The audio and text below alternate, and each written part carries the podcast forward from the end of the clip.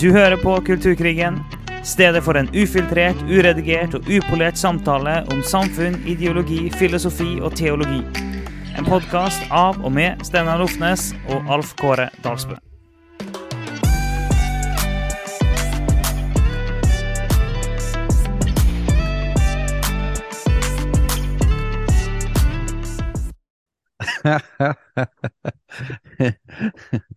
det var en veldig, veldig pessimistisk kommentar, var det siste du sa før du trykket record.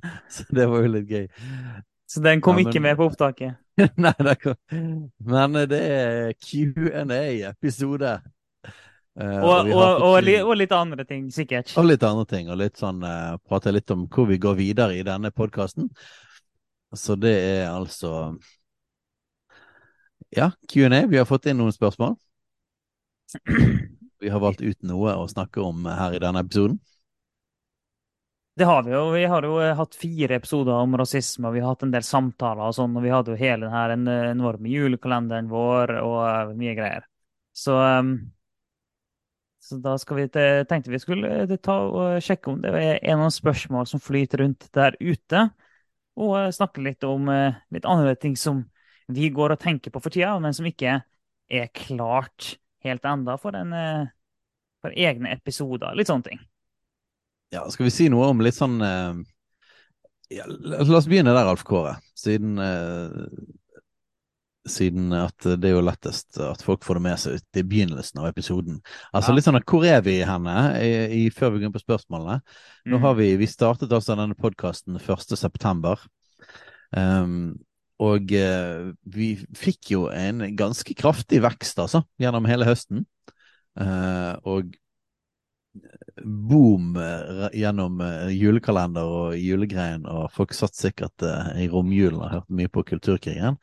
Og vi, vi var jo veldig glad for det, med så mange eh, lyttere og såpass liksom, momentum fra, fra starten av.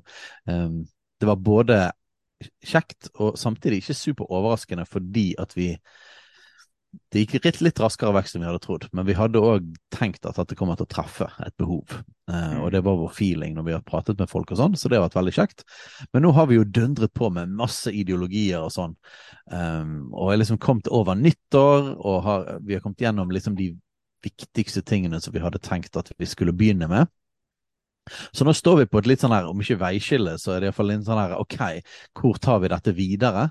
Um, og vi har fått litt respons òg fra våre lyttere at, eh, at folk er keen på litt mer nye, friske ting, og ikke liksom for mye gjentagelser og eh, bare snakke om marxismen og postmodernismen i alle mulige slags vinkler. Og det kan jeg forstå, for det har jo blitt massivt. da, Det har mye mange timer med det. Ja, har det ja, vel nesten vært et lite sånn grunnkurs da, eh, denne, denne høsten.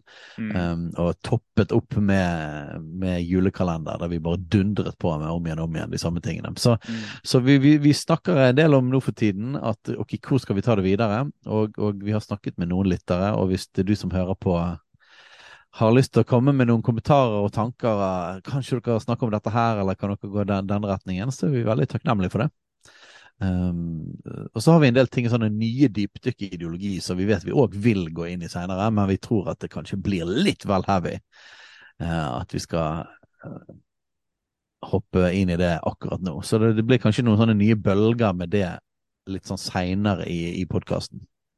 Ja, og det er jo ikke det at det er mangel på tema, for det, vi har ganske mange tema på lista vår og ting vi skal gå gjennom, så det handler mer om hva går vi, eh, hva går vi gjennom når. Det er det vi må finne ut av, og hvilken retning går vi i nå. Eh, Og som du nevnte, så har vi hatt et halvt år hvor vi har hamra mye på det samme. Og så mener jo vi fortsatt at det finnes veldig mange vinkler vi ikke har hamra på. Det er mange dypdykk vi ikke har tatt. Det er mange ting vi har lyst til å si, men eh, vi, vi skjønner likevel at vi har hamra mye på mange av samme tingene. Så det er greit. Vi, vi kan gjøre et forsøk på å, å, å touche innom litt andre ting òg. Det kan vi gjøre. Ja, og så, så vi kan jo bare nevne kjapt noen ting vi har tenkt på. Vi har én ting som vi begge brenner veldig for at vi, dette må vi snakke skikkelig om. Um, det er ikke sikkert at folk eh, som hører på, eh, føler noe behov for det, å høre, høre om det, men vi opplever det så viktig at det, det kommer vi til å ta uansett. Um, og det er det som har, handler om liberal liberale teologi, vranglære, falskt evangelium. Terje Hegertun, Mm. uh, Misjonskirken i Oslo, uh, Philadelphia, Stockholm. Og eh, det er jo litt forskjellig hvor mye eh, folk skjønner hva vi snakker om når vi, når vi nevner disse forskjellige navnene. Og sånne, men vi opplever at det er en ganske sånn kraftig bølge på vei inn mot frikirkeligheten i Norge, Mm. som vi har veldig behov for å adressere. Uh, og så er det kanskje noen som syns det er spennende, og noen syns det ikke er spennende, men vi tror det er viktig. Det kommer til å påvirke oss såpass mye at vi må snakke om det. Ja, det, det vil det. Så det Om ikke altfor lenge så må vi begynne å gå inn i de tingene der. Det har vært masse For, for den som har fulgt med, så har det vært masse greier om det de siste ukene. For den som ikke har fulgt med på det, så har han naturligvis ikke fått det med seg. Men for den som eh, har fulgt med på det, så har det vært masse greier om, om eh, hva er liberal teologi og, osv. Som, eh, som vi faktisk vi må snakke om det, og vi må ha et bevisst forhold til det. Så noen ting på det, det vil komme om ikke altfor lenge. Vi mener at det er en del eh, Og det er jo ikke liberal teologi i seg sjøl som er det store spørsmålet, men det er det som vanlig det som ligger under. Og der Ja, og er det noen fundamentale det- ting. Ja, vi ser jo dette som en del av kulturkrigen. Altså det er på en måte, det er basically hvordan disse tankene og strømningene vi har vært gjennom, øh, begynner å sive inn lenger og lenger inn i kristenheten òg. Mm. så det er klart at det føler vi at vi må ta. Så for de som er dagen-lesere, så vil jo de kjenne igjen eh, denne tematikken. Eh, eh, så det kommer vi til å ta en serie på. Um, Og vi vil nok, ting som har eh, vært litt oppe? Ja, ja, en ting som vi har tenkt hele veien, men som ikke vi har gjort noe av ennå, er jo det med å i større grad ta dagsaktuelle ting. Ting som skjer, ting som er i media, ting som dukker opp. Og i større grad eh, plukke det opp og kommentere det. Og snakke om det. Hva skal vi tenke om det her? Eh, så det å mm, ta litt mer, eh, litt mer eh, dagsaktuelle ting, det vil vi nok gjøre framover. Eh, Nøyaktig hvordan vi skal se ut, får vi ut av. Vi lover ikke så mye her og nå. Men, eh, det, men det har vært helt bevisst at vi har tatt lite av det nå det første halvåret. Og det er fordi at det, det, det her er ikke en kommentarpodkast på den måten. Vi har eh, et større perspektiv på det enn det. Og vi, for oss har det vært viktig å få muligheten til å definere hva slags type podkast det her er, og ikke bare være en podkast som snakker hytt og pine og, og reaksjonært da, basert på hva det er som skjer rundt omkring oss. Men ha et eh, være liksom mer tydelig, spesielt i begynnelsen. Derfor har vi forsøkt å være så lite tabloid som mulig. Eh, og, og, um, I både hvordan vi snakker, hva, hva vi kaller episodene våre, og hva det er vi tar opp og sånn. Eh, For, for har litt- det har vært litt viktig for oss å gjøre det på en riktig måte, men nå har vi fått satt podkasten litt. Og da kan vi jo i større grad plukke opp ting som skjer her og der, og ta det. Vi bare slo meg, Når du har vært så lite tabloid som mulig, så slo det meg at, eh, at tittelen på ikke forrige episode, men nest siste episode eh, Nazisme, marxisme og eh, Black Lives Matters Matter. Nei, åh, da sa jeg det igjen! Det irriterte meg sånn jeg hørte gjennom den, eh, den episoden, at jeg sier Black Lives Matters med en S. Ja. det, jeg er ikke den eneste i verden som gjør den feilen. Jeg har lagt merke til at mange andre gjør det òg, men det er jo en feil. Det er matter. Ja, ja. Det er ikke en S bak der, så, så beklager alle sammen som plagdes over at jeg sa det feil hele tiden. Men, ehm, men klart, eh, akkurat den, det episodenavnet var jo bitte litt eh, Det var jo faktisk beskrivende for hva vi snakket om, da. Men Det var jo det vi snakka om. Det var, men det var litt tabloid. Hver gang du putter opp nazisme, så er jo det eh, litt clickbaity. Men, eh, men det er sant, vi snakket om det, så det, det var jo sånn sett ærlig. Um, men eh, men Ja. vi tenker det at nå har vi mer mulighet, nå har vi tatt litt lite sånn grunnlag, da. Eh, og før vi går sånn veldig mye dypere eller utvider med enda flere temaer, så nå har vi liksom noe å henvise tilbake igjen til. Og det gjør at vi er litt mer mobile. At eh, Holdt på å si om det kommer noe i media, men det er jo bare tull. Det er når det kommer nye Ja, ja, eh, kulturkrig-ting, aktuelle greier som slenger opp i media, så har vi litt mer muligheten til å hive oss rundt og ta en episode på det eh, der og da. Så kan vi, heller, vi kan hele tiden henvise tilbake igjen til alle de første episodene, som et lite sånn eh, grunnlag for å forstå ting. Mm. Mm.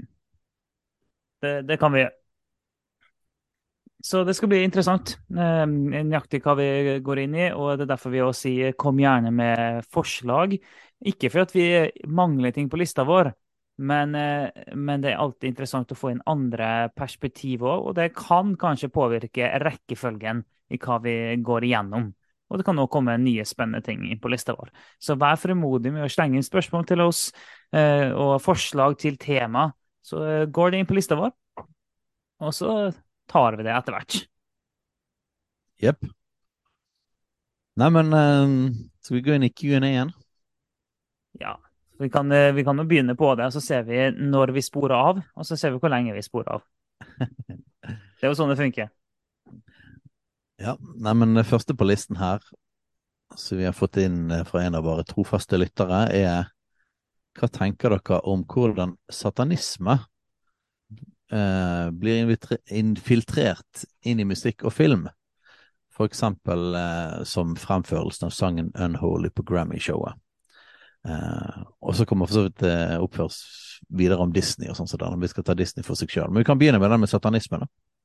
Ja, vi kan bare si at det, det her, hvis, hvis det, du som lytter ikke vet hva det her er snakk om, så var det på her Grammy-showet nå, uh, nå nylig, iallfall. Husker ikke nøyaktig når det var. Uh, der var det en sang som heter 'Unholy', som ble framført. Sam Smith og en annen person, og så var de kledd i rødt og sånn tydelig, spilte veldig tydelig på på eh, Satan og djevelen, kan du si, i uttrykket.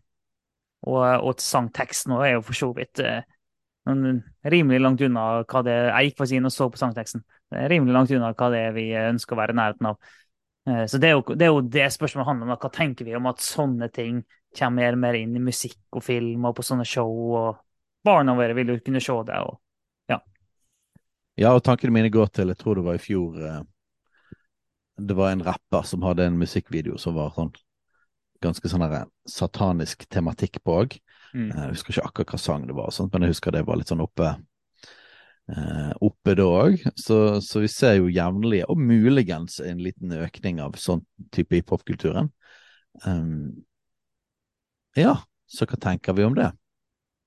Vel, det ligger vel i sakens natur at vi ikke syns at det er helt supert. Uh, men vi må jo gå litt dypere inn i den det, da.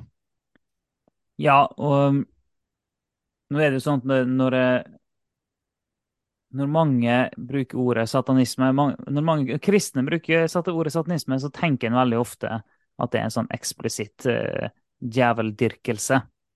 Det er gjerne det en ser for seg når man bruker ordet satanisme. Så vet vi det at en del som bruker ordet sjøl om seg sjøl, ser ikke helt sånn på det. De ser mye mer hedonistisk på det. Uh, og, Skal du forklare hva hedonisme er for noe? Ja, det er to sekunder. Jeg skal bare si den tredje tingen. Og så er det da mange som da bruker ordet rent kommersielt.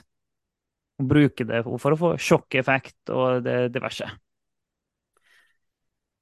Og hedonisme, hvis du skal ha sånn enkleste Veldig veldig enkel forklaring på hedonisme er jo egentlig bare det at det handler om eh, det er at må handle om å maksimere eh, opplevd nytelse og lykke. Ja. Bibelen kaller å leve etter sine lyster. Følge, følge sine lyster. Ja, kjødet kan du kalle det. Ja. Så, og selvfølgelig veldig ofte forbundet med på en måte seksuell utsvevenhet, og gjerne heftig bruk av alkohol og narkotika og sånne type ting. Så det, da. Så det er jo kanskje rus, rus, og sex primært vi tenker på som hedonisme, men òg på en måte bare Men gjerne òg en, gjerne en ekstrem livsstil av, av forbruk eh, og nytelse.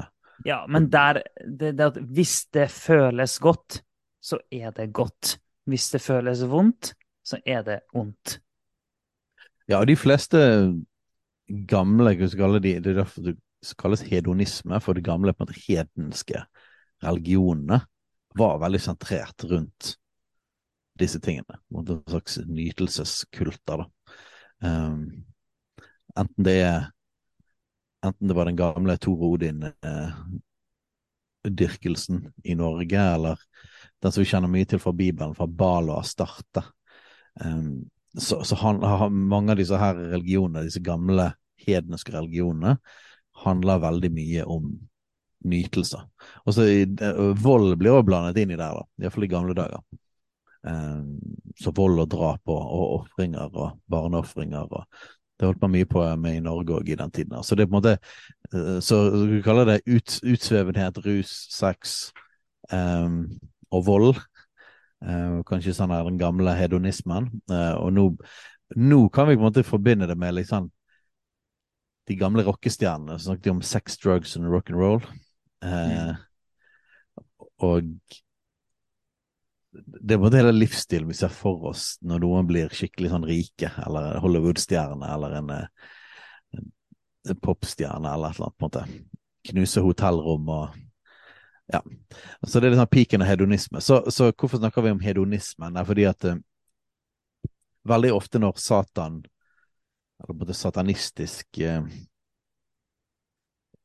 Satanistiske bilder og retorikk blir brukt, så er det jo på en måte veldig ofte det er på en måte en sånn langfinger mot kristendommen. Og mot, mot på en måte en mer konservativ moral. Um, det som setter begrensninger, eller setter rammer. og Det måte sånn rammeknusende. da. Sprenges ut av det, og på en måte en langfinger til, til Gud og de konservative og de, de, de kristne. Fordi at det er den kristne ja. ja. og det, ja. det er fordi at det, i vår kontekst så er det jo kristendommen som har satt rammene, som en har lyst til å, bli såkalt fri ifra. Det er jo kristendommen som har satt de rammene, og derfor blir det ok, hva er det som da blir måten å virkelig være mot kristendommen på? Jo, det blir å være antikristen. Antikrist, jo, det er Satan. Så vi har jo vært inne på det før. at jeg, jeg, jeg mener jo at måte, Foucault spesielt, men på en måte Michel Foucault, den postmoderne filosofen, jeg syns han på en måte et veldig godt eksempel på klassisk hedonisme, og at postmodernismen er veldig koblet til det. Altså dette med sprengingen av rammer for å måte kunne leve leve uten begrensninger og på en måte fokus på nytelse eh, og seg sjøl. Um, så her finnes det jo, og jeg har før sagt at at det Foucault-greiene er veldig sånn Lucifers ånd.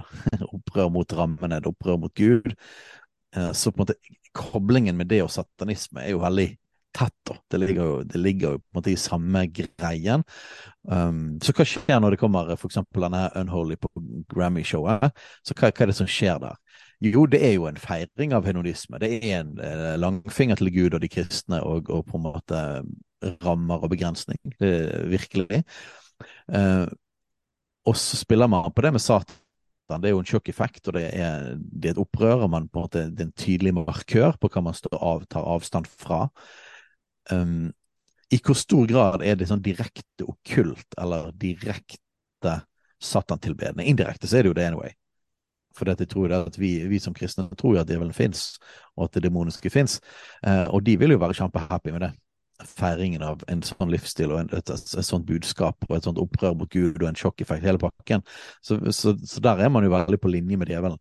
I hvor stor grad de tror at det er et At det finnes et reelt åndelig vesen som heter Satan, som har eh, egne demoner. Det vet vi jo ikke.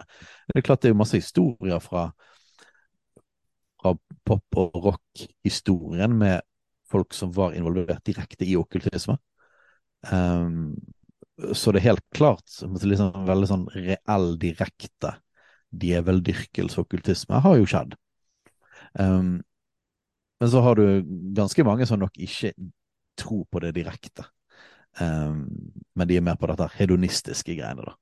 Og hvis, hvis, du skal liksom dra dette opprøret mot Gud veldig langt, så bruker du bildet med djevel.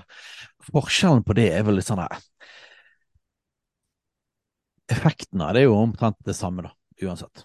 Ja, og så kan du jo si at eh, nei, når folk lager sånne sceneshow som helt klart spiller på, på, på Satan, så er det sånn eh, Nei, det er nok ikke en De er, tenker nok ikke på Satan som deres gud og en sånn, en sånn satandyrkelse på den måten, sånn som vi tilbyr Gud. Eh, nei, det, det, det, er nok ikke det som foregår. Det er nok mye mer både kommersielt og eh, rebelsk og en del sånne andre ting som spiller inn her. Det betyr ikke Det gjør det ikke, noe, det, gjør det ikke bedre. Bare, det er bare ikke akkurat satanisme på den måten, kan du si, sånn som en ofte tenker det. Og, eh, og så tror jeg òg da, det å, drive og lefle med sånne ting, eh, det åpner jo døra.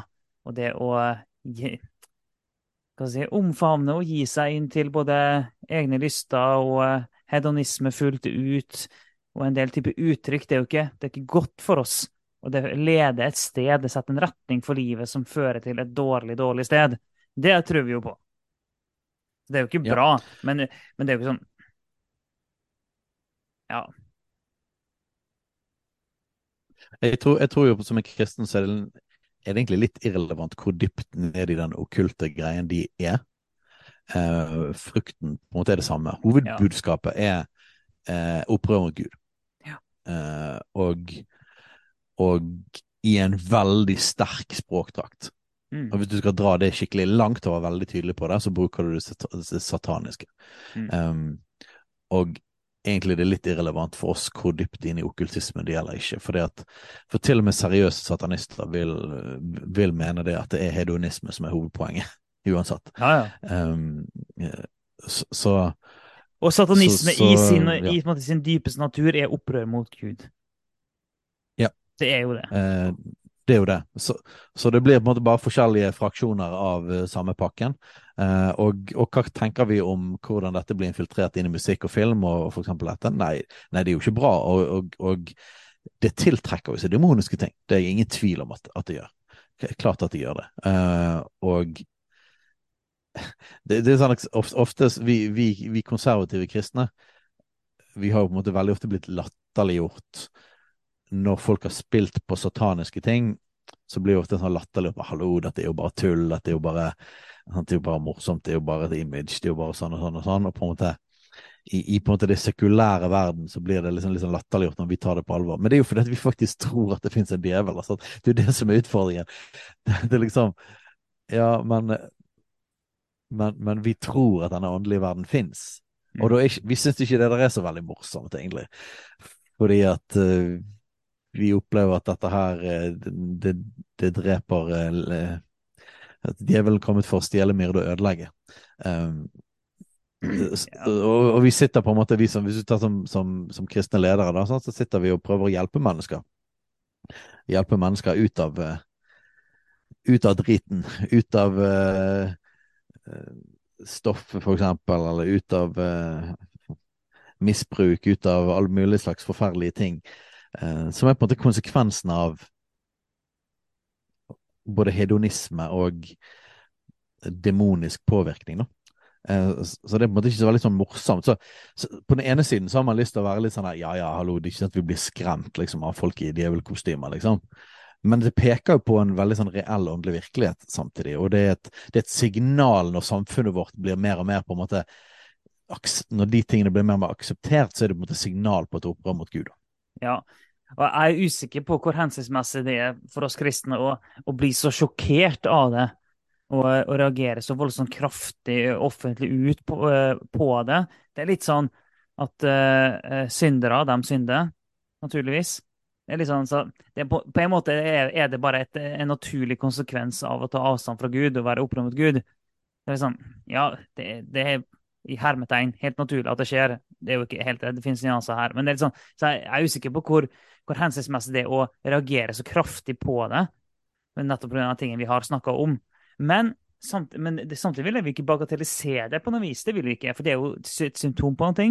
Det peker mot en ting, det går i en retning osv. Og, så og på samme måte som at uh, søppel tiltrekker rotter, så er det sånn at åndelig søppel tiltrekker åndelige rotter, kan du si.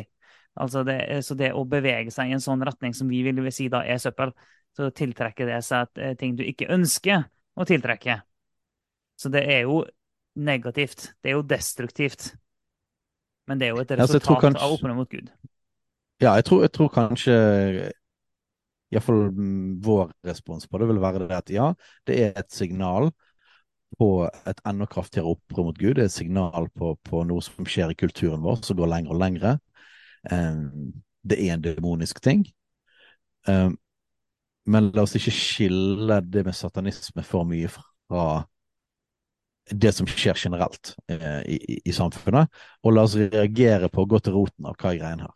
Mm. Uh, og opprøret mot Gud og, og, nedriving av rammene. Det er på en måte litt sånn der eh, En satanisk form på det, veldig sånn direkte, med liksom horn og røde drakter, blir en litt sånn et symptom på hele den pakken. Mer enn at det er noe som er sånn fra, frakoblet det. At det, det, er ikke et eget fenomen. Eh, det er mer en slags én av de mange symptomene på denne her opp, oppløsingen og nedrivelsen og hedonismen. Og det, og det er litt sånn at uh, Fri sin politiske plattform er farligere enn det der uttrykket der. Uh, det, det, å ville, ja, absolutt. Og det å ville oppløse kjernefamilien og si at familie ikke er kobla på biologi, det er farligere enn at noen har spiller på uh, en form for satanisme i sitt uttrykk. Selv om vi, vi, ja, det, vi, vi vil ikke bagatellisere det, ja. men vi må sette ting i en riktig kontekst. Så Derfor er det sånn La oss ikke hive oss på et hylekor over at noen har kledd seg opp i rødt og rødt lys og, og, og spiller helt spesifikt på noe satan-greier.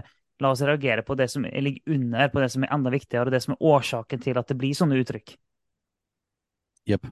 For virkelig det farlige det, Jo, det er ikke bra. normaliseringen av sataniske greier. Nei, det, det, er ikke bra. Det, men vi ser det mer som et symptom.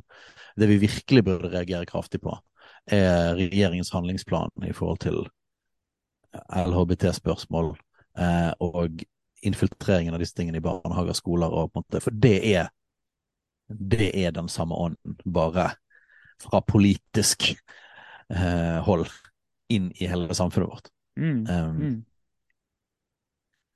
Og eh, sant, jeg tror jo det er den samme greien. Om, om du blir kledd i regnbuefarger og er liksom sånn der jippi, jippi feiring, og det er som glede og kjærlighet og frihet, eller det er på en måte i, i en satanisk drakt, da.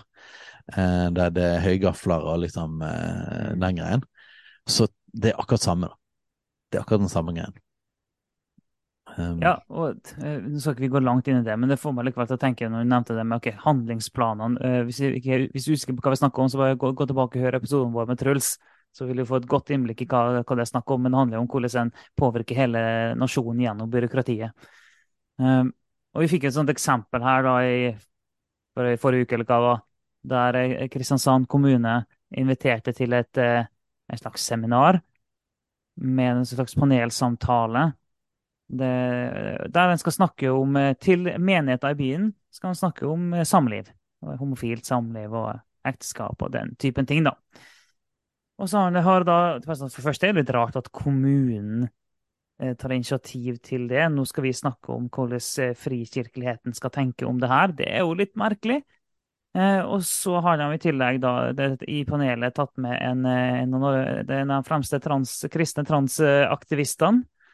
Og eh, Terje Hegertun og Cato Gulaker, også, som er på He Hegertun-linja.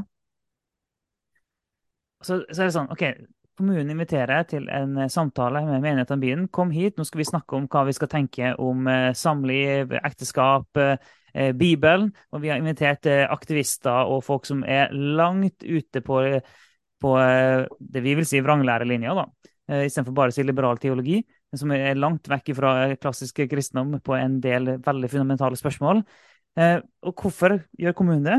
Mest sannsynlig pga. handlingsplanene. Så det er mye, mye viktigere og mye mer farligere enn at noen later litt som at de er djevelen.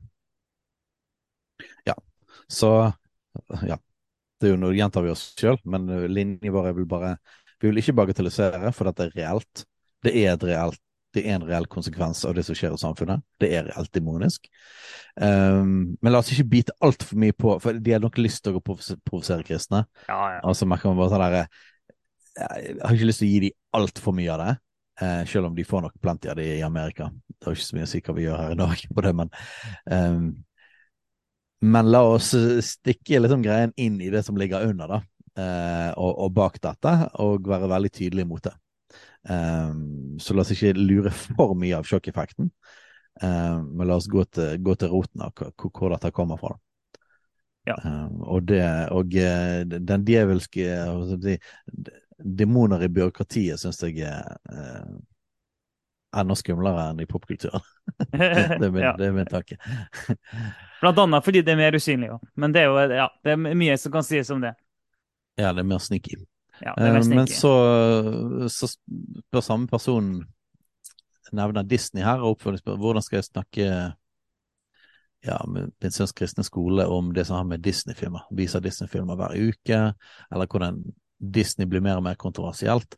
Disney er en ting som vi har eh, jeg og du, Alf, og våre venner, vi har snakket en del om Disney siste halvåret. året. Mm. Eh, så det er et interessant tema, altså. For der, det er kanskje ikke alle som har fått det med seg. Og vi kommer nok til å ha en eller flere episoder om både Disney og Marvel og NRK og forskjellig. NRK Super. Eh, for der skjer det mye bevegelse for tiden. Ja, det gjør det. Så det, det er Vi har toucha innom det flere ganger i ulike episoder av det med Disney, men hva slags bilder på mann og kvinne og familie som det blir fronta i mange nye Disney-filmer.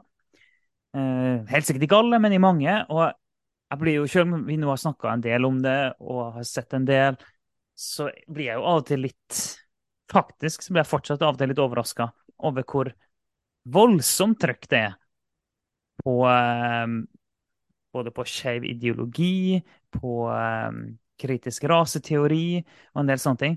Hvor heftig trøkk det er på det i en del eh, Disney-filmer fortsatt så bare sånn Wow! Det, det, det trykker skikkelig på med noen veldig spesifikke narrativ fra noen veldig spesifikke ideologier i Disney.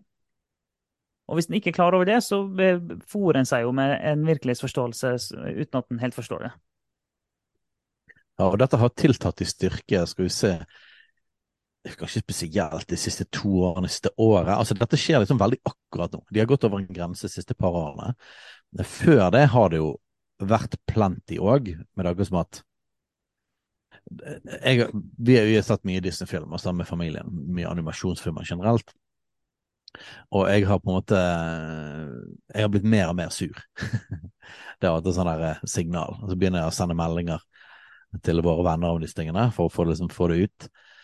Og det jeg har vært mest provosert av, er hvordan man hvordan man viser menn Um, så hele mann- og kvinnegreien, den har de holdt på med lenge. Um, og så har det ligget og luret veldig, hele, hele LHBT-spørsmålet har liksom ligget der rett under overflaten, og man har lurt på når skal Disney liksom begynne å, å, ta noen skikkelige steg på det, og nå har de begynt med det. Uh, og så er det òg kommet en, en, serie, da, som er på, på Disney pluss, som har virkelig begynt å gå inn i dette med kritiske raseteorier. Um, og de tingene der får mer oppmerksomhet, naturlig nok, i USA, det òg. Um, konteksten av slaveri og alle de tingene der, og det kan man høre på de fire episodene hvis man lurer på hva vi snakker om. Men, men uh, nå er det blitt ganske eksplisitt, da. Uh, så om det er bare det at de er blitt mer modige nå, eller de føler at nå er tiden inne for at de skal gå skikkelig hardt ut, eller at det har kommet nye folk litt og litt inn i Disney-systemet, det vet jeg, vet jeg, ikke. Men eh, jeg tror vi kan ganske tydelig klart å si at eh, vi advarer mot Disney. Vær veldig obs når du ser Disney-filmer nå. Um, nye Disney-filmer, nye Disney-serier. Jeg har vel opp første gangen nå jeg har slått av en Disney-film som vi så jeg så med ungene. Altså at dette går, dette går ikke lenger. Denne går for langt. Hva var det den heter? Kan finne navnet på den. Men jeg har egentlig reagert ganske kraftig på andre, og har begynt å Det fine da, det at uh, nå har begynt For når jeg har vært så sur så mange ganger på de her mann- og kvinnegreiene, uh, at uh, nå begynner ungene å legge merke til det. Uh, og så ser de på meg når de ser sånne symptomer på, på, ting. Så det er jo en mulighet til å undervise, da. Så vi må finne ut hvor de grensene går, uh, og hva filmer som er ok. Um, men jeg syns at det er på tide for kristne nå å begynne å tenke at vi kan ikke ta som en selvfølge at vi kan se Disney-filmer lenger. De nye. Det at det er Disney, betyr ikke at det er dermed helt sånn ufarlig lenger. Det er fordi det, det frontes noen ganske kraftige en, en del narrativ som er, står i ganske kraftig kontrast til eh, hva vi tenker er, er sunt. Og, og denne personen her spør jo liksom, okay, men hvordan kan jeg snakke med eh, min sønns kristne skole om det her, som, der det vises Disney-filmer nesten hver uke. Og nå kan det selvfølgelig være at det blir vist en del eldre Disney-filmer òg, som ikke er like et, som ikke fronter et narrativ like tidlig. Det kan være. Men jeg synes du, du hadde en interessant kommentar også, der, at til og med du, du sa litt tidligere, eh, før samtalen vår, eller før vi tok opp, at til og med i litt sånn gammel Disney Ta Donald, da. Donald har ikke en far eller mor. Han har en Jeg vet da. Bestemor Duck Hvordan blir det der igjen? Er det hans det, ja, det er veldig han... vanskelig å forstå. Er det kanskje en bestemor? Men Nei, alle er jo fattere kusiner ja, ja. og. Men bestemor dere er vel egentlig bestemora hans? Det er vel ikke mora hans? Far er iallfall ikke med Ja. inne i bildet. Og, og han er jo da onkel. Og så, sånn, så, så familiestrukturene er jo helt mest up allerede der. Det, så det er, jo, det er jo interessant i seg sjøl. Men uansett, Ja, og det er jo helt fra, helt fra starten av, og det husker jeg faktisk mamma og pappa gjorde meg oppmerksom på eh, når jeg var liten. Akkurat Mm. det. Og at det ikke nødvendigvis var en grunn til å ikke se på det i hele tatt, men jeg husker det fortsatt, da. At eh, de, de nevnte det. Og det er, er jo for så vidt et poeng i forhold til å og å snakke med barna våre om det. Og så må vi finne ut hvor grensen går, da, i forhold til hva kan de i hele tatt se, og hva kan de ikke se. Men jeg kan jo se Jo, her er de to filmene som Den, kan, den mest tydelige Den første filmen som virkelig tok steg ut, det var vel Lightyear. En Pixar Disney-film i fjor, som handler om Buzz Lightyear fra, fra Toy Story. Han her eh, romfyren. Eh, og da er det liksom hans historie, da. Og der er det første spesifikke lesbiske paret eh, er der. Og der den ene plutselig blir gravid. Uh, og så får de barn og alt mulig. Um, så den er ganske tydelig. Og så var det vel den, uh, den som jeg slo av.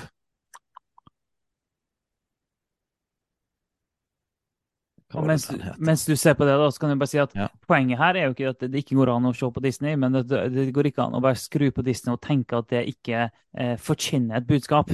Du er nødt til å være klar over det, og du, du er nødt til å være klar over at det forkynner et budskap eh, ganske kraftig, og et budskap som står ganske kraftig i motsetning til det kristne budskapet. Sånn at hvis du skal vise det her til barna dine, så må du vite hva det er som er der. Og ehm, det, sånn, eh, det funker jo ikke å bare trekke seg vekk fra hele samfunnet. og nei, vi kan ikke, Ungene våre kan ikke se noen ting. Vi lever jo i det her samfunnet her. Vi skal ikke være redd for det. Men vi, men vi må ikke være helt sånn ubevisst heller, og naiv. Det kan vi heller ikke være. Det funker ikke. Og så er det av og til sånn ok, men eh, av og til er det bare sånn, det her orker vi ikke. Vi skrur av og ser på noe annet. For nå skal vi bare kose oss. Det er én ting. Da kan det være fint å skru av. Men hvis du skal vise, da, så går, så hvis, hvis en skal vise noe på en skole, f.eks., så går det jo an å, gjøre det her til en læring. Sånn, I den filmen her så vil du se sånn og sånn og sånn, og begynne å lære opp. og det, en, en kristen skole bør jo gjøre det, da. Eh, som, hvis, den viser, viser Disney-filmen nesten hver uke, så en, bør en kristen skole snakke om at, at eh, vi som kristne at vi skal snakke om kjernefamilie og mann og kvinne og sånn. Og så i denne videoen her så vil dere se sånn og sånn og sånn. Trenger ikke å gå langt inn i ideologien, men forklare. Her vil dere få en historie som er annerledes. Så det er jo en måte en kristen skole kan håndtere det på. Det må Til alle menn der ute, sett av helga 3. til 5. mai 2024, for da skal Kulturkrigen arrangere mannshelg på Hemsedal høyfjellssenter. Da skal vi gå inn i eh, mannstematikk koblet til kulturkrigen. Altså, hvordan er det å være mann i denne krigen vi står i i samfunnet, og hva er faktisk vårt ansvar og vår rolle? Så hvis du syns det er interessant, og hvis du liker å høre på denne podkasten her, så går du til fjells.no og melder deg på mannshelg med Kulturkrigen 3. til 5. mai. Gjør det Vel. nå. Men både en kristen skole og vi som foreldre må i alle fall ikke være helt sånn naive. Bare ikke ta stilling og tenke at det ikke er så farlig og sånn. Det funker ikke. Ja. Så fant jeg den filmen som jeg skrudde av, og det var Strange World, heter den. Og fra i fjor. Så det var et tydelig sånn vannskille i fjor, Um, der jeg personlig mener det gikk over en grense som gjør at jeg ikke hadde lyst til ungene mine skal se det engang. For dette er jo helt sånn bevisst propaganda. Altså det er jo, dette er jo opplæring av barna. Det er jo akkurat som å se en kristen film der vi eh, lærer de om Jesus Mm. og sånne ting. Eh, så vi var bevisst av det, det er bare at dette er ikke kristen tro. Dette, dette er noe som går imot kristen tro. Eh, så det var en sånn her, for min del var det liksom, det gikk det over en, en, en veldig sånn tydelig grense der. Men jeg vil si det at i, i filmer som har vært hele det siste tiåret, 10-15 siste årene, så har dette med mann- og kvinneroller eh, vært problematisk, vil jeg si. Og dette er noe som vi har lyst til å gå dypere inn i, både når det gjelder Disney og media og filmer og sånne ting som det, men òg det med mann og kvinne og far og gutte- og jenteroller og sånne ting som det der. Um, vi har jo vært inne, inne i det i flere episoder, men, men eh, jeg tror vi må ta det enda grundigere. Ja, eh, det er såpass store og viktige tema at vi det fortjener ikke hele episoder å gå inn i. Vi har jo fått noen spørsmål om de tingene òg. Eh, ja, det har vi faktisk. Ja, altså Vi har fått flere spørsmål som toucher innom de tingene på ulike måter. Det som går på med mann og kvinne, hva det er viktig å holde fast på. Det som går med farløshet og konsekvenser i samfunnet. Eh, eh, hva er viktigheten av ulike kjønnene, det som går på kjernefamilie og, og kjernefamilien som et historisk motsvar mot ideologier. Så vi har fått liksom ulike spørsmål knytta mot de tingene. For vi, vi, snakker på en måte om det i hver episode. Guds gode ordninger, rammeverket og eh, mann og kvinne og familie. Så Vi toucher innom det hele tida, så det er veldig forståelig at folk stiller litt mer spørsmål til det og vil vite enda litt mer og høre enda litt mer. Ja, og vi har ikke gått litt sånn Kanskje, kanskje, ikke vi har gått veldig sånn grundig gjennom det, vi bør, bare, bare nevne det. Um, og siden dette er en spørsmål og svar-episode, så vet jeg ikke så blir ikke det sånn supergrundig greie nå heller. Men det må vi kanskje gjøre. Du leser jo en bok for tiden, Alf Kåre, som, som på et tema om dette her med far og farløshet, mm. som er jo noe som vi har uh, lyst til å snakke enda dypere om, da. Mm -hmm. um, så eh, nå i denne Q&A-episoden, vi har jo litt tid igjen her, så kan vi jo gå inn i det. Men vi kan ikke gå like grundig inn i det som vi har lyst til. Så vi får prøve å finne en eller annen mellomting, da. Ja, eh, det er jo riktig du sier om at jeg leser en bok som heter The Boy Crisis akkurat nå. Det handler om hvordan menn eh, faller gjennom i samfunnet, hva er det som er problemet her, og, så snakker han om, om konsekvensene av farløshet. Uh, den forfatteren her er en, en, av verdens mest anerkjente personer på sånne ting som det her. Um, Warren Farrell heter han. Veldig mye interessant der, som, uh, som, lov, som, skal finne sin vei inn i en større episode etter hvert. En, men han snakker jo om dad deprived. Han snakker mest om boys, da, men han, han, snakker, han sier òg at det, det gjelder jenter òg. Du finner alle symptom på farløshet hos kvinner, eller hos jenter òg. Det gjør du. Du, du, du finner samme måte, samme, det samme destruktive, samme negative symptomene. Det er bare at de er mye kraftigere hos gutta. Så farløshet går mer utover gutta enn utover jenter, er det han ser. Så, så, farløse, så farløse, gutter er, er, et større problem enn farløse jenter. For jentene, av en eller annen grunn Jeg sier ikke at det ikke går utover dem, er statistisk sett så går det mye kraftigere utover guttene. Og han snakker om dad deprived boys og dad enriched boys. Det er på en måte liksom, pappa fattige gutter og pappa rike gutter. Men det handler om hvor mye god pappa har de hatt i livet sitt. Om, er det null eller er det 100? Og, uh, har, det vært, uh, har det nærværet vært godt eller vondt av den faren? Um, og han går gjennom masse statistikker som han kanskje kan ta og finne, finne fram igjen. Men han, han sier jo det at eh, farløshet er eh, Jeg må kanskje ta og finne fram mens du snakker om andre ting, men farløshet er på en måte det, kanskje den viktigste markøren for eh, når man går inn og ser på, på gutter som har falt utafor, eller gutter som har blitt kriminelle. Ja, og det er jo og, og vi, vi, vi, var jo litt innom det, og det er gjerne derfor noen spør om, spør om det igjen, at, um, at, vi tror at kjernefamilien er på en måte motsvaret i hele denne her kulturkrigen eller den kulturelle revolusjonen. Og vi kan jo ta det liksom, vi har tatt det, vi kan ta liksom vinkelen fra liksom frafall fra Gud, man kan ta menings vakuumet som har skjedd etter på en måte folk har blitt sekulære og ikke tror på Gud lenger, eller kristendommens på en måte tilbakegang i Vesten. Det er en viktig faktor, en forklaringsmodell. Innførselen av disse ideologiene, det er jo der, der, vi, har, der vi har lagt trykket, da. Eh, gjennom universiteter, høyskoler, og så gjennom at det har kommet inn i hele det vestlige samfunnet. Det er en veldig viktig faktor på grunn av det, av det vi står i. men man kan òg ta på en måte vinkelen av hva har skjedd med familien. Alle disse tingene henger jo sammen. Um, men familieoppløsning Og du ser bare på det med familieoppløsning hva er på en måte den, den, verste konsekvensen der, eller den viktigste faktoren der, så er det at barn vokser opp, mye flere barn vokser opp uten far, eller ut, uten nært forhold til sin far, fordi at de aller fleste skilsmisser så blir eh, barna hos moren, eh, og så har da kontakt med faren i varierende grad. Eh, men vi har òg og det har vi snakket om når vi snakket om den seksuelle revolusjonen, og vi har snakket om feminismeepisodene, hvordan, hvordan det ble et ras i både skilsmisser, men òg folk som ble født utenfor ekteskap eller utenfor familie, og de fleste av de har da vokst opp med bare sin mor og aldri hatt en far inne i bildet i det hele tatt.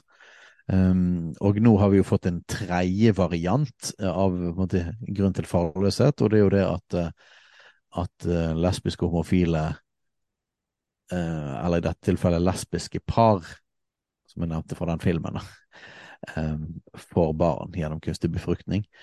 Og til og med enslige får barn. Enslige kvinner blir gravide gjennom kunstig befruktning. Og noen vokser opp uten å i det hele tatt vite om hva personen Personen sjøl vet ikke alltid hvem som er faren engang.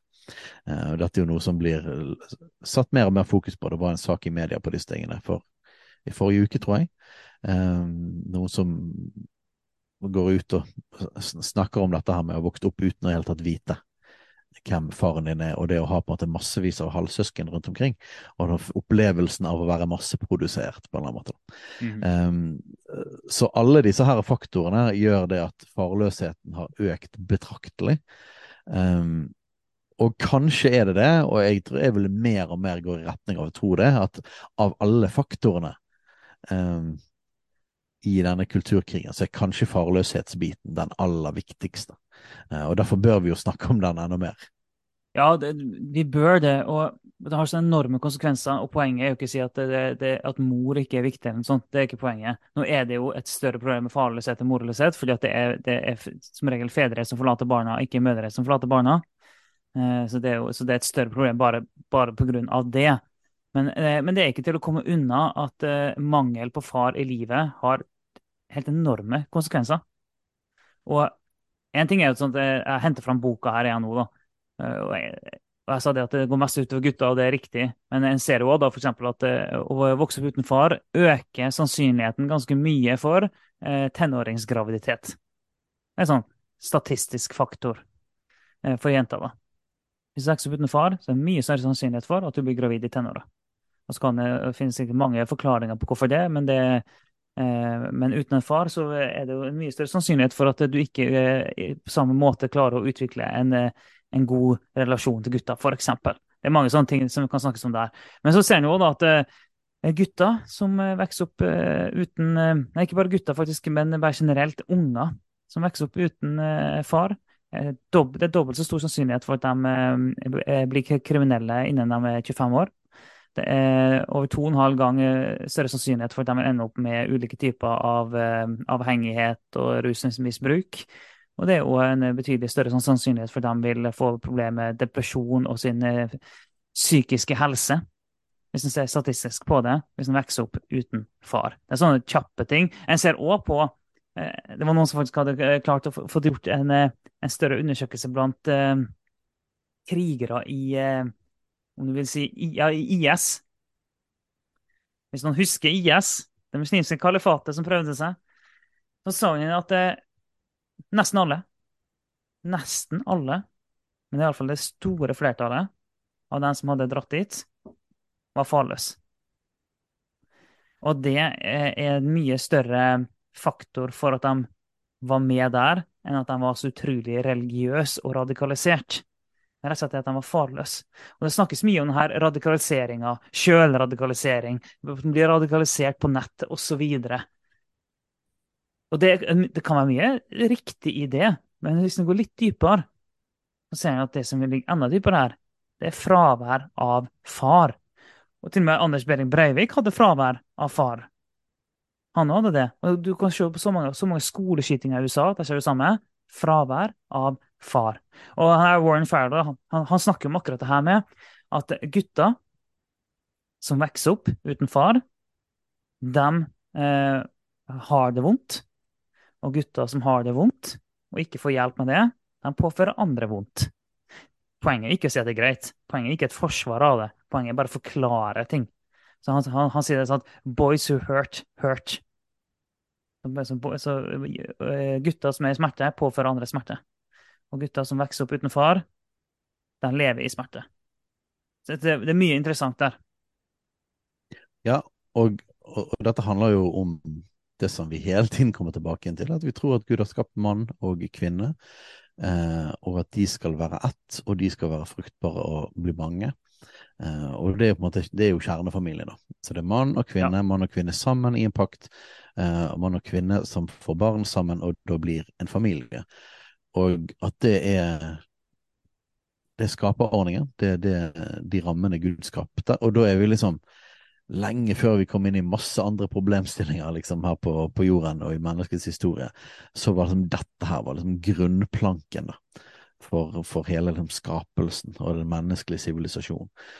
Og derfor er jo på en måte angrepet, angrepet på kjernefamilien som hele denne kulturelle revolusjonen er, mer enn noe annet så det er et angrep på kjernefamilien, er på en måte et angrep midt inn i hjertet liksom, av eksistensen og hvordan vi er skrudd sammen. Og, um, og derfor, for, derfor, er det så alvorlig, og derfor må vi, må vi, snakke om det. Og nå har vi brukt mest tid på å på en måte identifisere disse her ideologiene som vil dekonstruere dette. da. Tankegodset Um, men, men uh, mer enn at på en måte dette er noe som vil bli ødelagt, så har vi lyst, lyst til å løfte fram og hva var det Gud egentlig tenkte da? Hva var, hva var intensjonen? Og, og, vi tror det at balansen mellom mann og kvinne er en sånn ekstremt viktig ting, både i et samfunn, uh, i en menighet eksempel, og, og i en familie. Uh, det står i i kapittel to, er det vel, i Andre Mosebok, så står det at det er ikke godt for mann å være alene. Det er ikke godt for mann å bare være mannen. Så dette handler jo ikke om at konsekvensen av farløshet handler ikke om at eh, det er kun far som gjør at det blir positive ting. Så når du tar vekk far, så blir alt fælt. Nei, det handler om at hvis du tar vekk ett element, så bryter det sammen. Eh, og i vår kultur så er det det som er skjedd. Det er far som er blitt tatt vekk, og av naturlige grunner så er det um, Det skal mer til å eh, bli morløs. Eh, men hadde det vært en morløshetsepidemi i samfunnet, så hadde det òg fått fatale konsekvenser mm. på samme måten, men det hadde gjerne vært, det hadde utartet seg på en annen måte. Det hadde vært måte, andre eh, Andre konsekvenser. Ja, like, like, andre konsekvenser hadde vært like fatalt. Så, så, det vi tror på, det handler ikke bare om mann i sentrum, vi snakker om mann fordi det er det som har vært eh, det er det som er under angrep da, i vår kultur, eh, og det er det vi har begynt å se konsekvensen av nå i flere generasjoner. Eh, men vi tror altså på denne balansen mellom mann og kvinne, at Gud har skapt oss forskjellige, og at vi bærer forskjellige sider av Guds natur, eh, forskjellige egenskaper, eh, og at vi sammen som et team skal representere en helhet, og at vi har en gjensidig avhengighet. Og at barna som vi får For det første må du ha en mann og en kvinne for å få barn. Eh, og man kan gjerne på en måte løsrive de tingene fra hverandre og si at kunstig befruktning trenger du. Men du, du trenger jo en mann. I syvende og sist så trenger du en mann. eh, for, for, om det ikke skjer direkte, så er det iallfall indirekte. Det må være en mann til stede. Så du må ha en mann og en kvinne for å få barn. Og på samme måte trenger du en mann og en kvinne for, at, for å skape en sunn ramme rundt det vår eh, nære venn og kollega Sverre Skilbreid kaller borgen. En borg som, som eh, der, der, faren er yttermuren på den borgen, der, der, moren er en innermur, og der barna er inne i borgen. Uh, og det skaper på en måte det rommet, den tryggheten, den kjærligheten og rammene balansen av kjærlighet og rammer, balansen av nærhet og tydelighet, som barna trenger for å vokse opp og være sunne, fungerende mennesker. Og tar du vekk noen av de elementene, så vil du ta vekk ekstremt viktige faktorer i barna sitt liv. Og hvis noen hører på dette og sier at ja, men Jeg, eh, jeg, jeg, tror på dette, jeg skjønner det er bra, men det, men det er veldig smertefullt fordi at uh, jeg har måttet oppdra mine barn sjøl, og det har kostet meg, meg, alt. Og jeg har gitt alt jeg kunne for dem, og så nå kommer du og sier at det ikke er godt nok. Mm. Uh, så kan vi komme med gode nyheter og si at det finnes med denne boken, denne The Boy Crisis, så snakker han òg om måter man kan Strategiske måter man faktisk kan forbedre oppveksten for barna i forhold til å bringe inn maskuline verdier og mannspersoner inn i livet deres. Mannlige forbilder. Mannlige forbilder som vil eh, dramatisk forbedre eh, resultatet i forhold til barna. Så det, det finnes òg praktiske måter, men dette handler om en anerkjennelse av, av hvordan vi er skapt eh, som mennesker.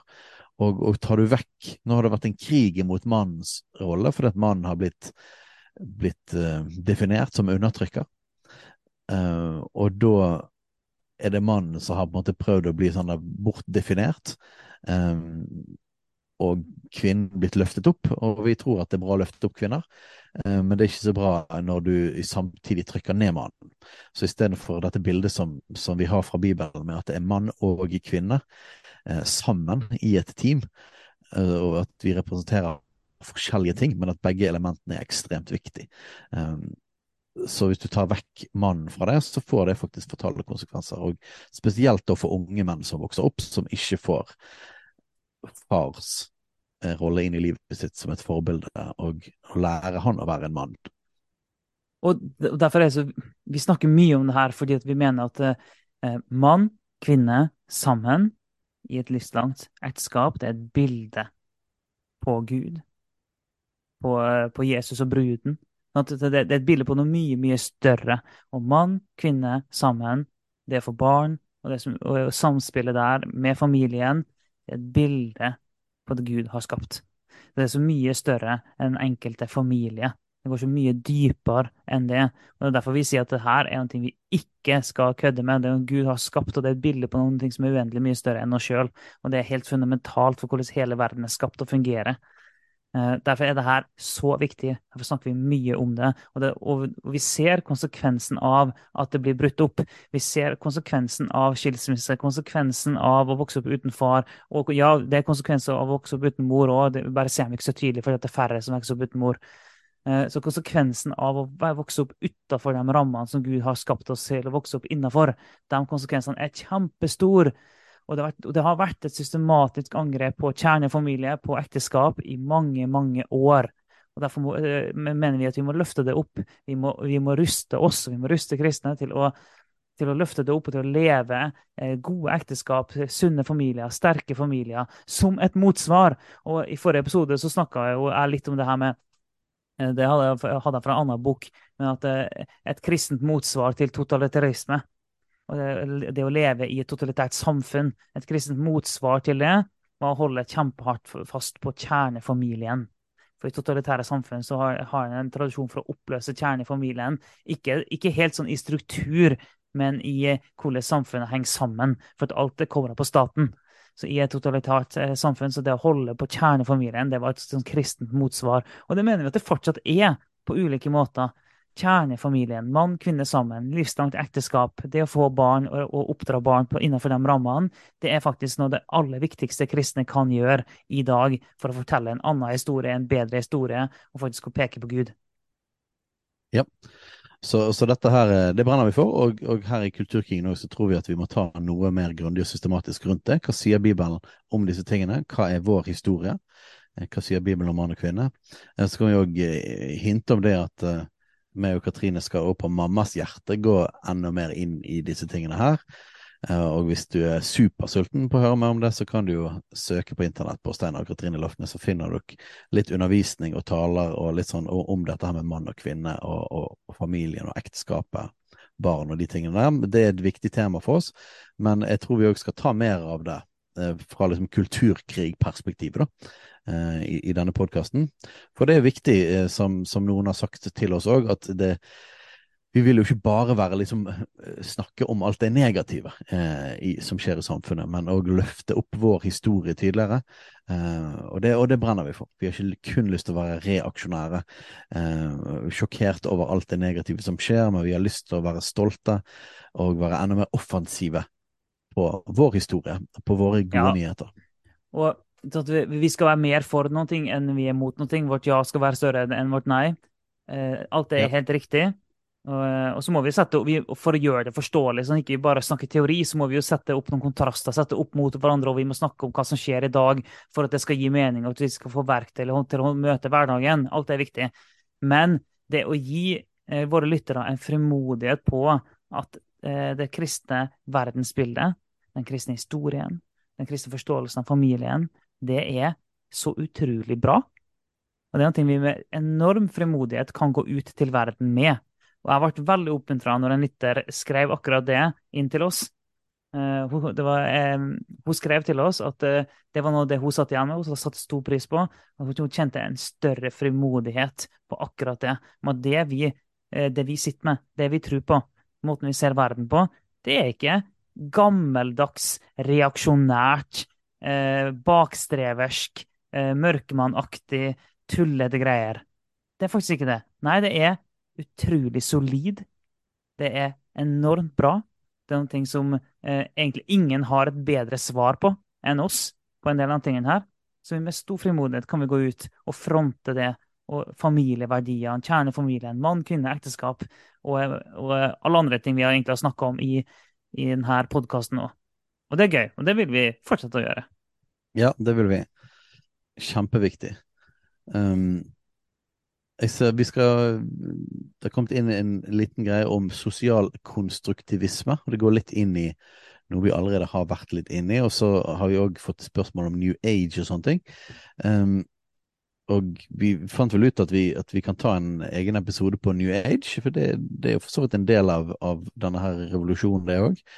Um, men vi tar det i, et eget, uh, i en egen episode. Og så, blir jeg minnet om nå når vi sier uh, alle mulige ting vi skal ta seinere. Det har vi alltid sagt i denne podkasten fra sikkert episode nummer én, at dette skal vi gå mer inn i seinere.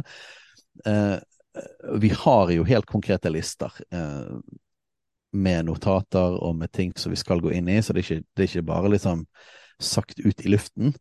Men det var en lytter som poengterte til meg at dere har sagt veldig mye, dere skal gå inn i dette og dette senere, men dere gjør ikke det, eller eller Noe i den, den dur. Og, og da var litt sånn uff, ja, jeg tror vi har oversikt over hva vi har sagt, men det kan jo selvfølgelig være at vi, at vi sier at vi skal ta det senere, og så gjør vi det ikke. I så fall, kjære lytter, så må du Minn oss på det! på det. Minn oss på det. Hvis det er noe vi har sagt vi skal gå inn i, og så gjør vi ikke det tilfredsstillende, um, så minn oss på det. Så, så, skal vi gå inn i det, altså. Uh, det, det, er i alle fall ikke uvilje. Men det er klart det kan bli mange tråder uh, altså, å holde styr på. Jeg gikk inn på lista vår nå, vi skal ikke gå gjennom hele lista, men jeg teller jo rundt sånn 25 uh, ting her, der, som ikke da er sånn at hvert tema er bare én episode. Hvert tema kan fort være fire episoder. Så det, det står 25 ting på den lista her. Så det er ikke det at det mangler på det. Så, men, men kom, og vi forsøker å skrive ting ned etter hvert som vi tenker på det sjøl og det kommer innspill. Så forsøker vi å skrive ned at det her må vi snakke om. Men eh, kom gjerne med påminnelser og mas på oss og kom med nye tips og alt sånt, og så tar vi det med oss. Eh, vi lover ingenting om når det kommer, men vi, forsøker, men vi går i den retning. Vi spiser oss innover på den lista. Men det tar litt tid. Så, men, eh, men, men, du, men vil, skulle du si en ting om sosial konstruktivisme? Ja, jeg tenkte vi, at vi kanskje skulle avslutte der. Jeg ville bare ta den der med at uh, alt som vi sier vi skal ta seinere. Um, men at vi avslutter litt i sosial konstruktivisme. Um, dette er jo koblet på ting som vi har snakket om, sosial konstruksjon, eller social construction, um, i episodene om postmodernisme. Um, men dette er jo i en kontekst spørsmålet kom til oss, så er det jo fra eh, sosionomutdannelse her i Norge. Og, eh, og da er det klart at når vi tar på en måte store ideologier eh, så må vi jo ta liksom de, de verste eksemplene og de mest ekstreme variantene av dette her, um, og, og, snakke om det. Men så er det jo sånn at når, når forskjellige tankestrømninger påvirker en kultur, så er det jo, som vi har nevnt før, det er ikke sånn at alle er på en måte troende postmodernismer, for eksempel, modernister, for eksempel. Men det er jo mer det at et visst tankegods er en del av potten. Det er på en måte oppi gryten da, eh, av, av det som på en måte blir en virkelighetsforståelse sammen. Alle har en virkelighetsforståelse, men den er jo selvfølgelig blandet av forskjellige ting.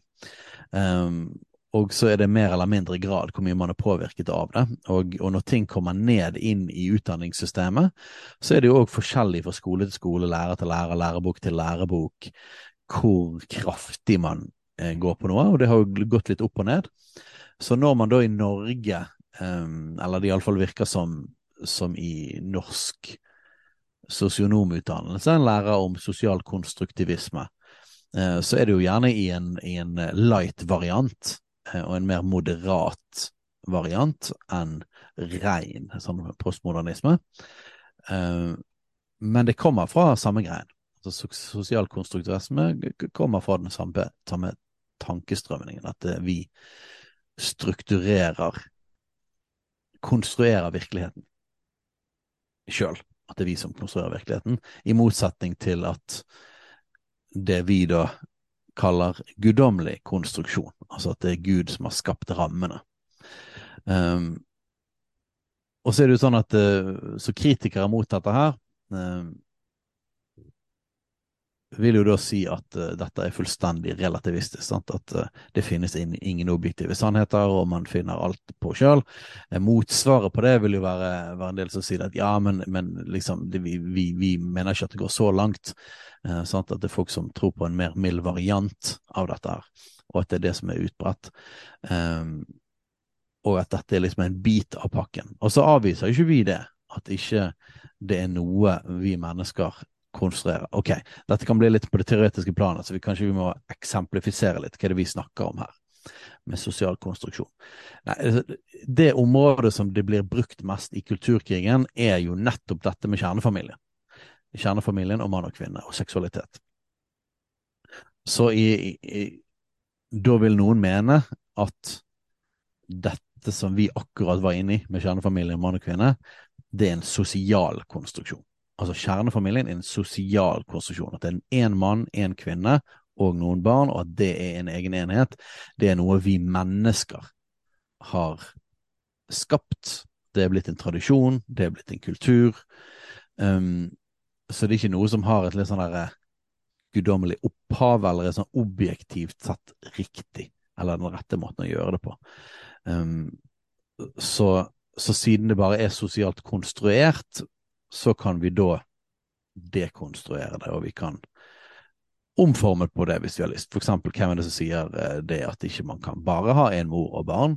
Det er vel like bra, og det var vi jo akkurat inne i. Eh, det, det blir veldig ofte sagt. Eller man kan si det at hvorfor ikke to fedre? Eller to mødre? Eh, det er jo mer og mer vanlig i kulturen vår. Eller man sier gjerne hvorfor, hvorfor må det være to? Tosomheten. Det er jo, det er jo mm. en sosial konstruksjon, det òg. Det er bare mennesker, det er vi som har lagd dette her med at det, du må være to og du må være et par. Nei, vi kan like gjerne være tre eller fire eller fem. Eh, og sånn som Foreningen FRI, som kjører dette helt ut, sier jo da at eh, alt er bare basert på gjensidighet, at man er på en måte gjensidig samtykke. At vi er enige om at vi er en familie, da er det en familie, og at da skal alle familier respekteres som det samme. Så vil vi si nei, det er noe som er uh, guddommelig konstruert, uh, og, og, det kan vi ikke rote med. Mens biologene vil kunne, kunne si f.eks. at ja, men det er ikke det finnes et biologisk argument for kjernefamilien, fordi at du må ha én mann og én kvinne for å få, få, barn sammen, og det vil være naturlig at det er de som får det barnet, som òg tar vare på de barna, ergo kjernefamilie med mann og kvinne og barn. Um, så, så, dette er jo på en måte ofte det, det, området man bruker en av konsekvensene av sosial konstruksjon, da. bare for å forklare hva det vi snakker om. Eh, men så finnes det jo mer milde varianter av dette her, eh, som vi for så vidt delvis kan godta, og delvis ikke kan godta. Ja, men det er jo sånn eh, sosial eh, Ta kjønnsroller, da. Finnes eh, deler av kjønnsrollemønster som, som, er sosialt konstruert. Det gjør det. Det er, det er definitivt, sånn, det er definitivt en del som er guddommelig konstruert, og, og, vi finner det i bi, biologien på grunn av det, blant annet. Men det finnes ting som er kulturelt. Som er, og hvis det er kulturelt, ja, da er det sosialt konstruert. Ja da, Så det finnes noen ting der. Det gjør det.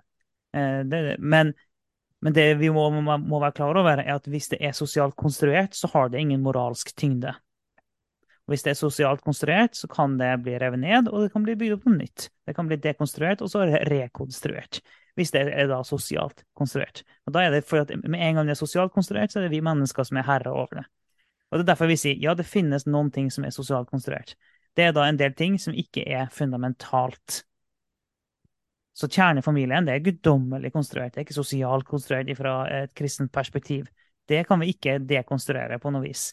Men ja da, visse uttrykk, visse typer, hvordan rollene til, til, en viss grad spiller seg ut, jo da, der finnes det ting som er, kan være sosialt konstruert. Ja, og da ser vi på forskjellige kulturer. Sant? Det blir en god måte å se forskjellene. sant? um, at det finnes masse ting som ligger i dette sånn mellomsjiktet og at det ikke er nødvendigvis rett eller galt, sånn uh, eh, 100% men det er veldig kulturelt uh, betinget. Um, og da er det på en måte konstruert av oss mennesker. Noen ganger konstruert av til og med klima og forskjellige andre ytre faktorer, og, og, og historien former hvordan vi tenker om det. Og det faktumet, og som man gjerne i, i, i f.eks. sosionomutdanning eller, eller andre, andre steder i høyere utdanning, hvis man vil påpeke liksom at ja, det finnes jo masse ting som vi tar for gitt, og vi tenker at det er rett og galt eller objektivt, som slett ikke er det, for det har vært stor forskjell i historien, eller utgått av andre kulturer som ser at de og de gjør det annerledes, så vi må utvide på en måte vår forståelse av hva som er på en måte dette er liksom objektivt rett og galt, så er jo det helt riktig. Det er et poeng. Så en kristen, når en kristen hører de argumentene, så tenker jeg liksom at ja, så må vi prøve å skille, da. Ok, ja, men det finnes noe grunnivå her. En slags um, Skal vi kalle det en grunnmur, da. Grunnmur for virkeligheten og for, for, for, for samfunnet, som vi tror at dette er fastsatt. Eh, dette er fastsatt fra Gud. Eh, og på toppen av det kan vi si det at vi tror òg på, på, på si, biologien, fordi at biologien beskriver basically hvordan Gud har skapt det. Så hvis man begynner å sette spørsmålstegn med både Guds konstruksjon, eller de rammene Bibelen setter for eksistensen, eller, eller for biologien, sant? for hele trans-saken og sånne ting, kjønnsdebatten, så, så, stiller man jo spørsmål ved selve biologien òg. Eh, og, og når man begynner å, å, å, gå den veien, så må lampene blinke hos oss kristne og si nei, vi kan ikke gå med på det. At, at sånne ting òg er relative, at sånne ting òg liksom er bare sosialt konstruert. Da går man altfor langt. Eh, så der må vi sette en tydelig grense. Eh, men så kan vi godta at det finnes masse imellom der, da ja. eh, over der som på en måte Ja, ok, det er greit at det er kulturelt betinget, at det er sosialt konstruert, eh, og det er ikke på en måte farlig å tenke det som en kristen. Noe av det er på en måte helt sånn åpenbart og logisk, og, og det skader ikke å, å, sette et kritisk blikk på hvordan vi tenker uh, om, om, rett og galt i en del ting. Um, som ikke nødvendigvis er en objektiv sannhet. Uh, Altså prøve å komme på et eksempel som er sånn typisk norsk, og vi tenker er veldig rett og galt, men som er litt vanskeligere å finne i sånne Legge barna, små barn, klokka sju. Ja, ja. Det, det, det er en klasse, ting. Legge barna klokken syv. For noen år siden var det iallfall et, et, et veldig sånn norsk eh, fakta var det at du må spise frokost, og det må være skiver med en viss uh, type pålegg. Og hvis du ikke gjør det, så er, er det forferdelig usunt. Mm. Uh, nå blir jo det stilt spørsmålstegn ved òg, da, men det var jo på, altså på 80-tallet var det en definitivt en objektiv sannhet i norsk kultur. Da. Uh, legge barna, det er et eksempel på det. Det med å komme på tiden, for eksempel. Altså, og der er det sånn her Det, det kan være provoserende. den er vanskelig for meg. Det er sånn ja, ja. Jeg har ikke lyst til å, jeg har lyst til å si at det, at det å holde tida er guddommelig konstruert. Jeg, jeg, merker jeg har ikke lyst til å akseptere at det er sosialt konstruert. ja, sant, fordi det, som, for det, det det blir koblet til for oss nordmenn, og, og nå er vi jo liksom innenfor sånn, I Norge da, så har du noen som er for seintkommere, og noen som er veldig uh, tidsnok, og noen som er midt imellom. da.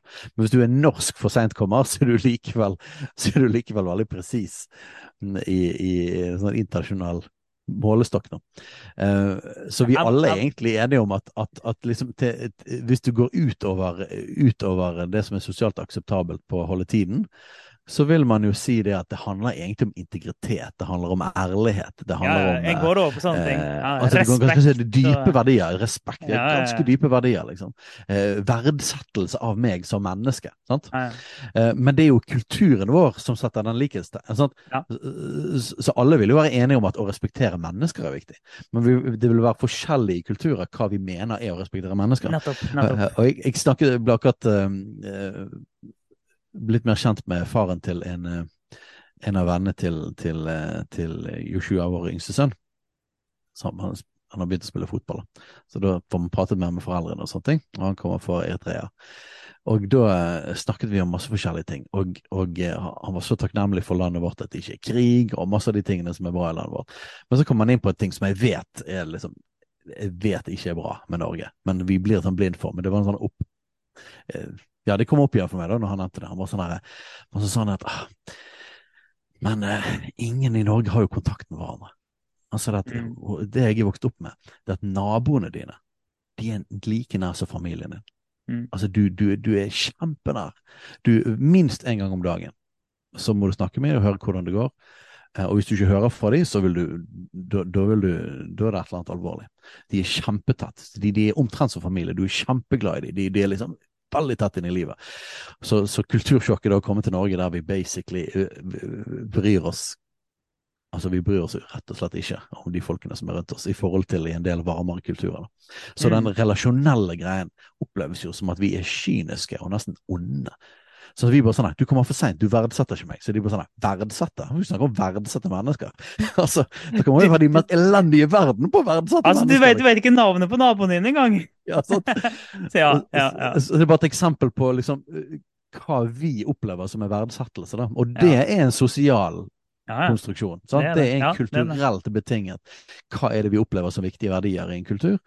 Eh, og, og så når vi snakker på den måten, så må vi helt klart si ja, klart det finnes ting som er kulturelt betinget og sosialt konstruert. Eh, og, og det er veldig bra å sette spørsmålstegn ved det, og ikke tro at vår kultur Men- er liksom guddommelig i seg sjøl. Ja, og det er viktig. Det med at okay, vår kultur er ikke guddommelig i seg sjøl. Men jeg tenker, og jeg er enig med deg med at eh, det å være på tida er jo ikke en sånn Det i seg sjøl Ok, jeg får ta fra en annen vinkel. Ja, det er definitivt riktig fra et krist- kristent perspektiv å respektere mennesker og eh, ære mennesker og den type ting. I norsk kultur, i stor grad iallfall, så vil jo det blant annet si at da møter du opp sånn cirka på tida til en avtale. Ja. Så i en norsk kontekst, ja, det er fortsatt sosialt konstruert, men i en norsk kontekst, på grunn av den sosiale konstruksjonen, så ser det, det å respektere mennesker da ser ofte ut som å møte opp på tida. Så det, det er jo et, et element Ja, inni her. Absolutt, At sånn absolutt. er det hos oss. Men, eh, men, det- Men det er forskjell på det og en objektiv sannhet, kan du Ja, si. Sant? det er Det ligger et sted imellom, Ja. men, men du må likevel forholde Men- deg til det sant? i Ja. den kulturen. Men jeg tenkte på en ting her. Eh, på, nå på lørdag så, var, eh, så kjørte jeg gutta mine i en bursdag. Til, ikke vært hos dem før, men eh, familie fra et afrikansk land. Så kommer vi dit klokka tre. I mitt hode kom vi dit klokka tre. Det vil si, vi kom dit 14.57. Kom vi dit. Eh, For bursdagen som begynner klokka tre. Og når vi feirer bursdag, så er alt klart før tre. Og jeg tenker at sånn, så 14.57 det er helt innenfor mitt hode. Selvfølgelig så På invitasjonen 15.00 sto det. Da begynner bursdagen. Selvfølgelig så står jeg der da med guttene 14.57. Sånn fungerer det. Og så kommer jeg dit. Ingen andre har kommet, selvfølgelig. Eh, og pappaen kommer i døra. Han, eh, og han hadde ikke eh, jeg, jeg, jeg tenkte ikke over da, da, men da han hadde ikke skifta eller noe sånt. Så han eh, og han, han merka det. Sånn, sånn Oi, ja, her er dere, ja. ja, ja, ja. Eh, Men det er hyggelig. Og, sånn. Eh, og, og så gikk han over på ja, vil, du komme inn? Bare komme inn. og sånn. Men, eh, men da, da hadde jeg dattera mi, og vi skulle gjøre andre greier, og sånn, og Ellen var på jobb. Så jeg var sånn Nei, nei, jeg, vi skal gjøre andre ting. Og så tenkte jeg på, jeg satte meg i bilen, at ja, det, i hans kultur så er det kanskje frekt av meg at jeg ikke kom inn nå, tenkte jeg på. Men jeg hadde andre planer, for jeg er en planlegger. OK, greit. Så dro vi, og så kom jeg tilbake, og bursdagen skulle vare til klokka fem. To timer. Så hva, hva gjør jeg? Jo, klokka 17.00 kommer jeg inn døra. Nøyaktig 17.00 går jeg inn døra i det huset. Kommer inn. Hallo, hallo, liksom prøver å prate litt. um, og så begynner jeg liksom, å forberede gutta mine. Du, nå skal vi snart dra, og sånn. Og, og så kommer han faren, da, da ser jeg at han har skifta. Så da innser jeg at han hadde ikke rukket å skifte uh, tidligere enn klokka var tre. Uh, og så ville jeg, ja, men ville ha meg til å sette meg ned og sånn. Og, men, men, jeg hadde planer. Jeg skulle hente ungene, fort meg hjem, og så skulle jeg rekke å ta meg en treningsøkt før vi skulle begynne på leggetid.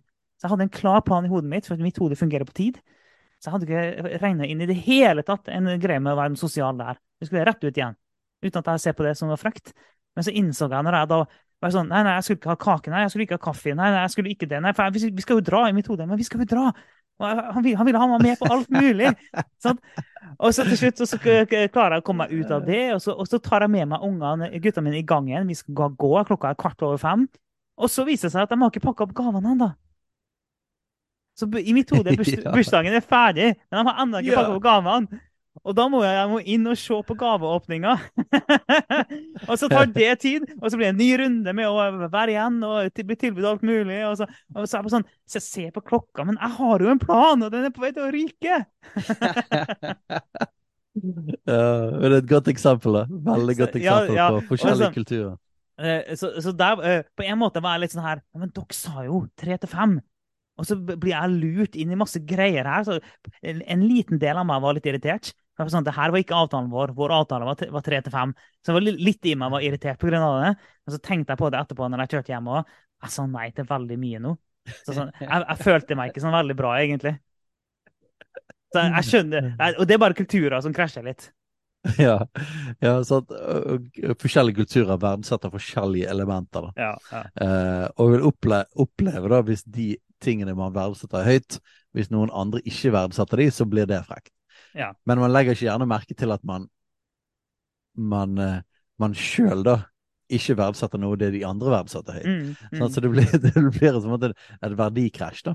Ja. Uh, og, ja, og, her er vi innenfor det som på en måte vi kan ikke si at liksom, Jo, vi kan si det at liksom, ok, Gud skapte natt og dag og sånn, eh, men klart et, et, det, det, moderne samfunnet med, med, klokker og sekunder og sånne ting er jo, jo veldig, jo veldig ny oppfinnelse i verdenshistorien. Eh, og på en måte et samfunn der vi klarer å presse inn så mye, altså effektiviteten. Vi har bil, vi har eh, alle mulige ting som gjør at vi på en måte Vi har GPS, vi, har, altså vi, vi kan på en måte forholde oss da, til minuttgreier. Det er jo på en måte en ganske ny situasjon.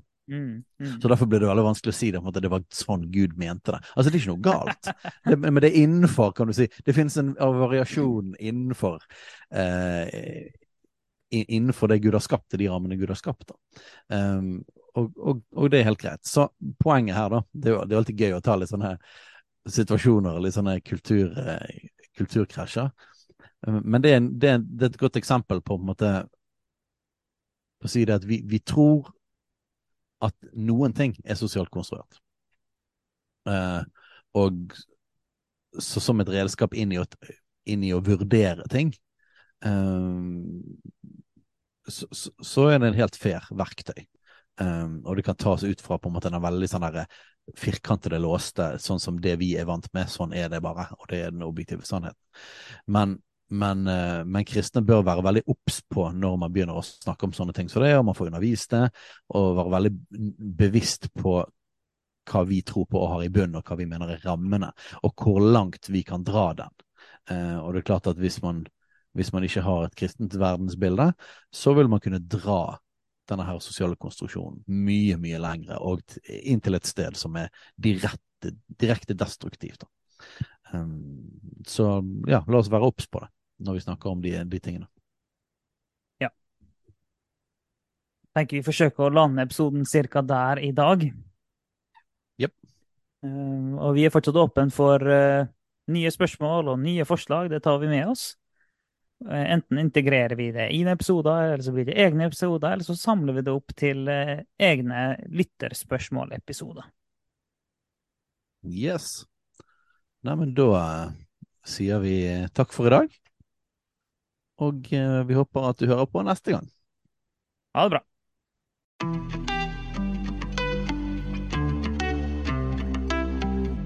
Takk for at du lytter på Kulturkrigen. Om du har tilbakemeldinger, spørsmål hva som helst, egentlig. Send inn til post alfakrøllkulturkrigen.no eller på sosiale medier.